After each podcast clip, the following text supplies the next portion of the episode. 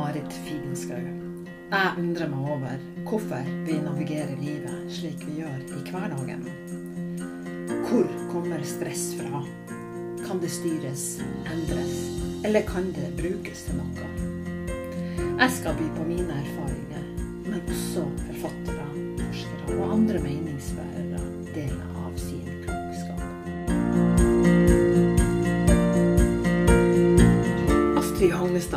vært min lærer, trener og psykoterapeut i over 20 år. Sammen med henne så har jeg løst meg fra fastlåste mønster, og min egen omstartsprosess kom på skinner. Men ikke minst så har jeg funnet fram til uante ressurser, uforløst potensial og frigjort mye energi. Denne prosessen har jeg beskrevet i boka 'Omstart, forsoning og frigjøring', som jeg skrev og ga ut i 2018. Astrid har skrevet i alt åtte bøker. De handler bl.a. om følelser og hvordan vi utvikler uheldige reaksjonsmønstre når følelser ikke blir anerkjent. Sjøl har jeg hatt stor glede av bøkene 'Broer til oss selv', 'Livets spor', boka 'Alene'. Og sist, men ikke minst, boka 'Følelser ditt indre navigasjonssystem', som kom i 2018. I dag skal vi eh, snakke om eh, balansegangen mellom å være alene og være i lag. Og det har mange gjort erfaringer på i den koronatida vi har bak oss, eller står midt oppi. Så Astrid, hva er forskjellen på å være alene og være ensom? Ja, jeg tenker man kan være alene uten å føle seg ensom. Og man kan føle seg ensom sammen med andre mennesker. Ensomhet er en følelse som eh, handler om manglende kontakt. Manglende følelsesmessig kontakt. Og derfor oppstår den eh, følelsen ofte når mennesker er sammen med andre. Fordi de ikke har den følelsesmessige kontakten. Så um, det er forskjellen på å være alene og å være ensom. Det å være alene kan ha mange muligheter i seg, mens ensomhet det stenger en inne i, i en selv, på en måte. Fordi det er knyttet til lav selvfølelse, skam ofte, hvis man er ensom. Eller det er en del av ensomhetsfølelsen ofte. Man tør liksom ikke vise at man er ensom, fordi det skal man liksom ikke, i anførselstegn. Da er, det, da er det som om det er noe galt med en. Selv om det selvfølgelig ikke er det.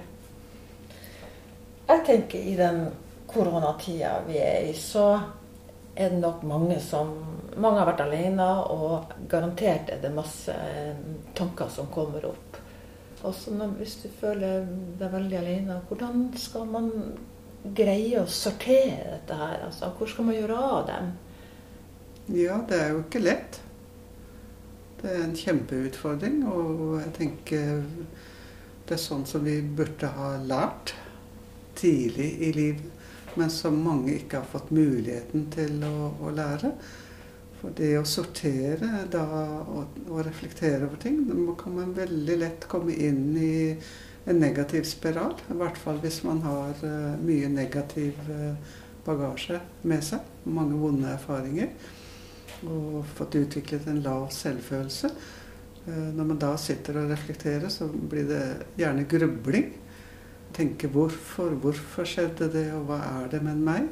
I stedet for å se på på hvilken måte har eh, erfaringer preget meg? Hva var det med andre som uh, gjorde at uh, jeg fikk en lav selvfølelse, f.eks.? Hva var det med omsorgspersonene? Hva skjedde i forhold til omsorgspersonene som uh, gjorde at uh, selvfølelsen ble undergravet. Og så er det lett å fortsette, ja, men jeg hadde, var vel ikke mer verdt, da.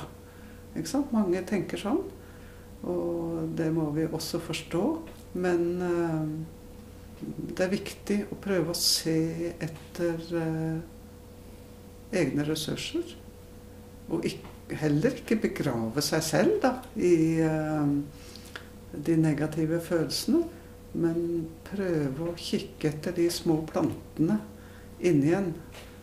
De impulsene man har til uh, utvikling. Til å bli kjent med seg selv på en god måte. Uh, det er utfordrende, og det trenger vi jo som regel hjelp til. Men det finnes jo en del litteratur som man kan eh, få noen tips gjennom, f.eks.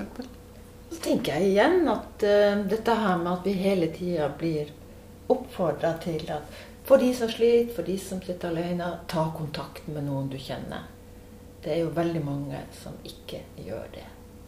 Ja. Det å løfte telefonen og ta og slå ja. det nummeret til en venn. Hvorfor gjør vi ikke? Hva slags mekanismer er det som holder oss igjen?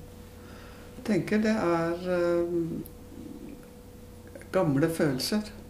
Hvis man ikke har fått uh, nok positiv bekreftelse på at man er uh, verdifull, så tror man lett at man er til bry. Og så tenker at uh, nei, andre har så mange. De er sikkert ikke interessert i å høre på meg. Redd for å ikke bli møtt.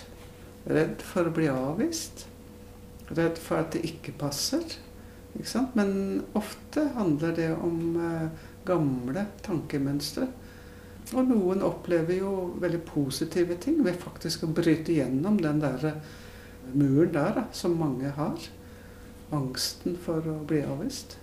Og mange gjør faktisk gode erfaringer også. Så jeg tror man må eksperimentere litt. Men, men grunnene er jo ofte en lav selvfølelse. Men det er viktig å ikke gjemme seg bak den uh, lave selvfølelsen. Utfordre seg selv litt. Mange har, har, hatt gode opplevelser med å ha tid til seg sjøl. Mm, ja. Endelig kom det en timeout. Ja. Hvordan skal vi ta vare på det framover? Jeg mener, Nå skal samfunnet i gang igjen, og det er fort gjort å kaste seg på. Ja. Miste tid. Nettopp. Jeg tenker det er en uh, kjempeutfordring for den enkelte og for uh, samfunnet som helhet.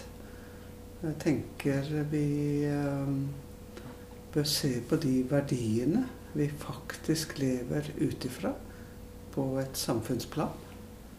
Er det med effektivitet og at alt skal alltid være mer lettvint og mer økonomisk? Er det en verdi vi skal eh, praktisere? Eller skal vi tenke litt mer på eh, menneskelige verdier?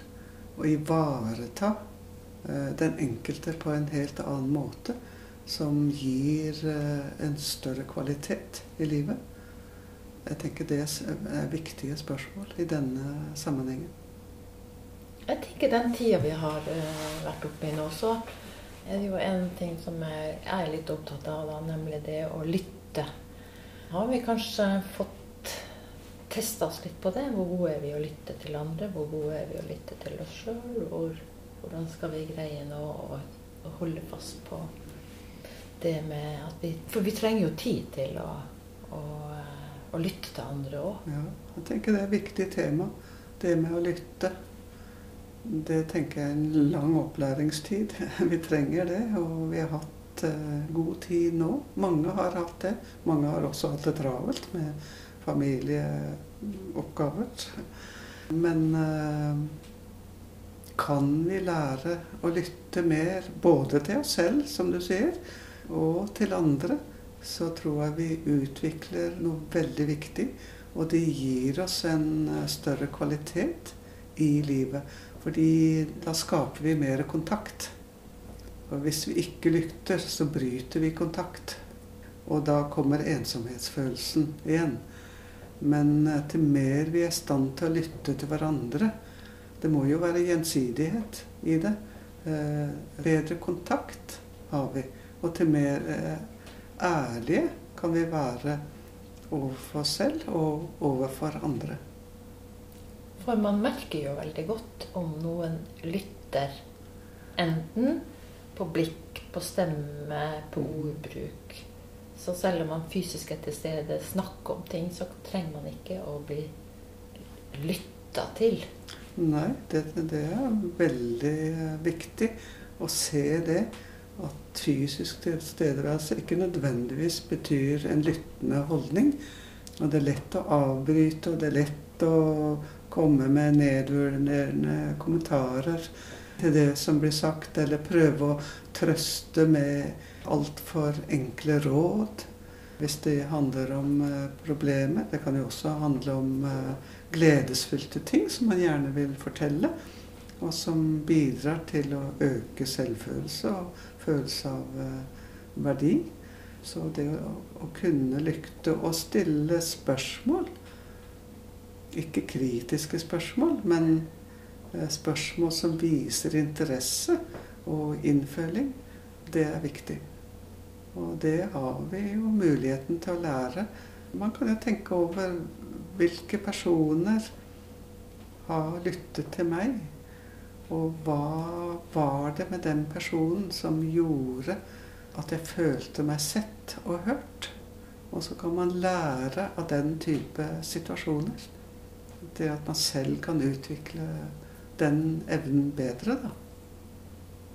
For korona kommer vel til å være med oss en stund. Så vi har tid til å tenke gjennom det å lytte. Ja. Eh, og uavhengig av korona er jo det en ganske viktig egenskap å være til stede når andre byr på seg sjøl. Ja, nettopp. Jeg tenker vi har muligheten til å lære mye. Hvis vi ikke bare tenker på å komme tilbake i normalen, i anførselstegn igjen. For hva er normalen? Det er kanskje å være sammen Eh, lytte til hverandre, skape kontakt, se hverandre, fortelle hverandre ting. Utvikle oss som mennesker. Takk, Astrid. Det var en kjempefin avslutning på denne sekvensen. Så igjen kanskje flere spørsmål enn svar, og eh, det er en god ting. Takk for at du lytta.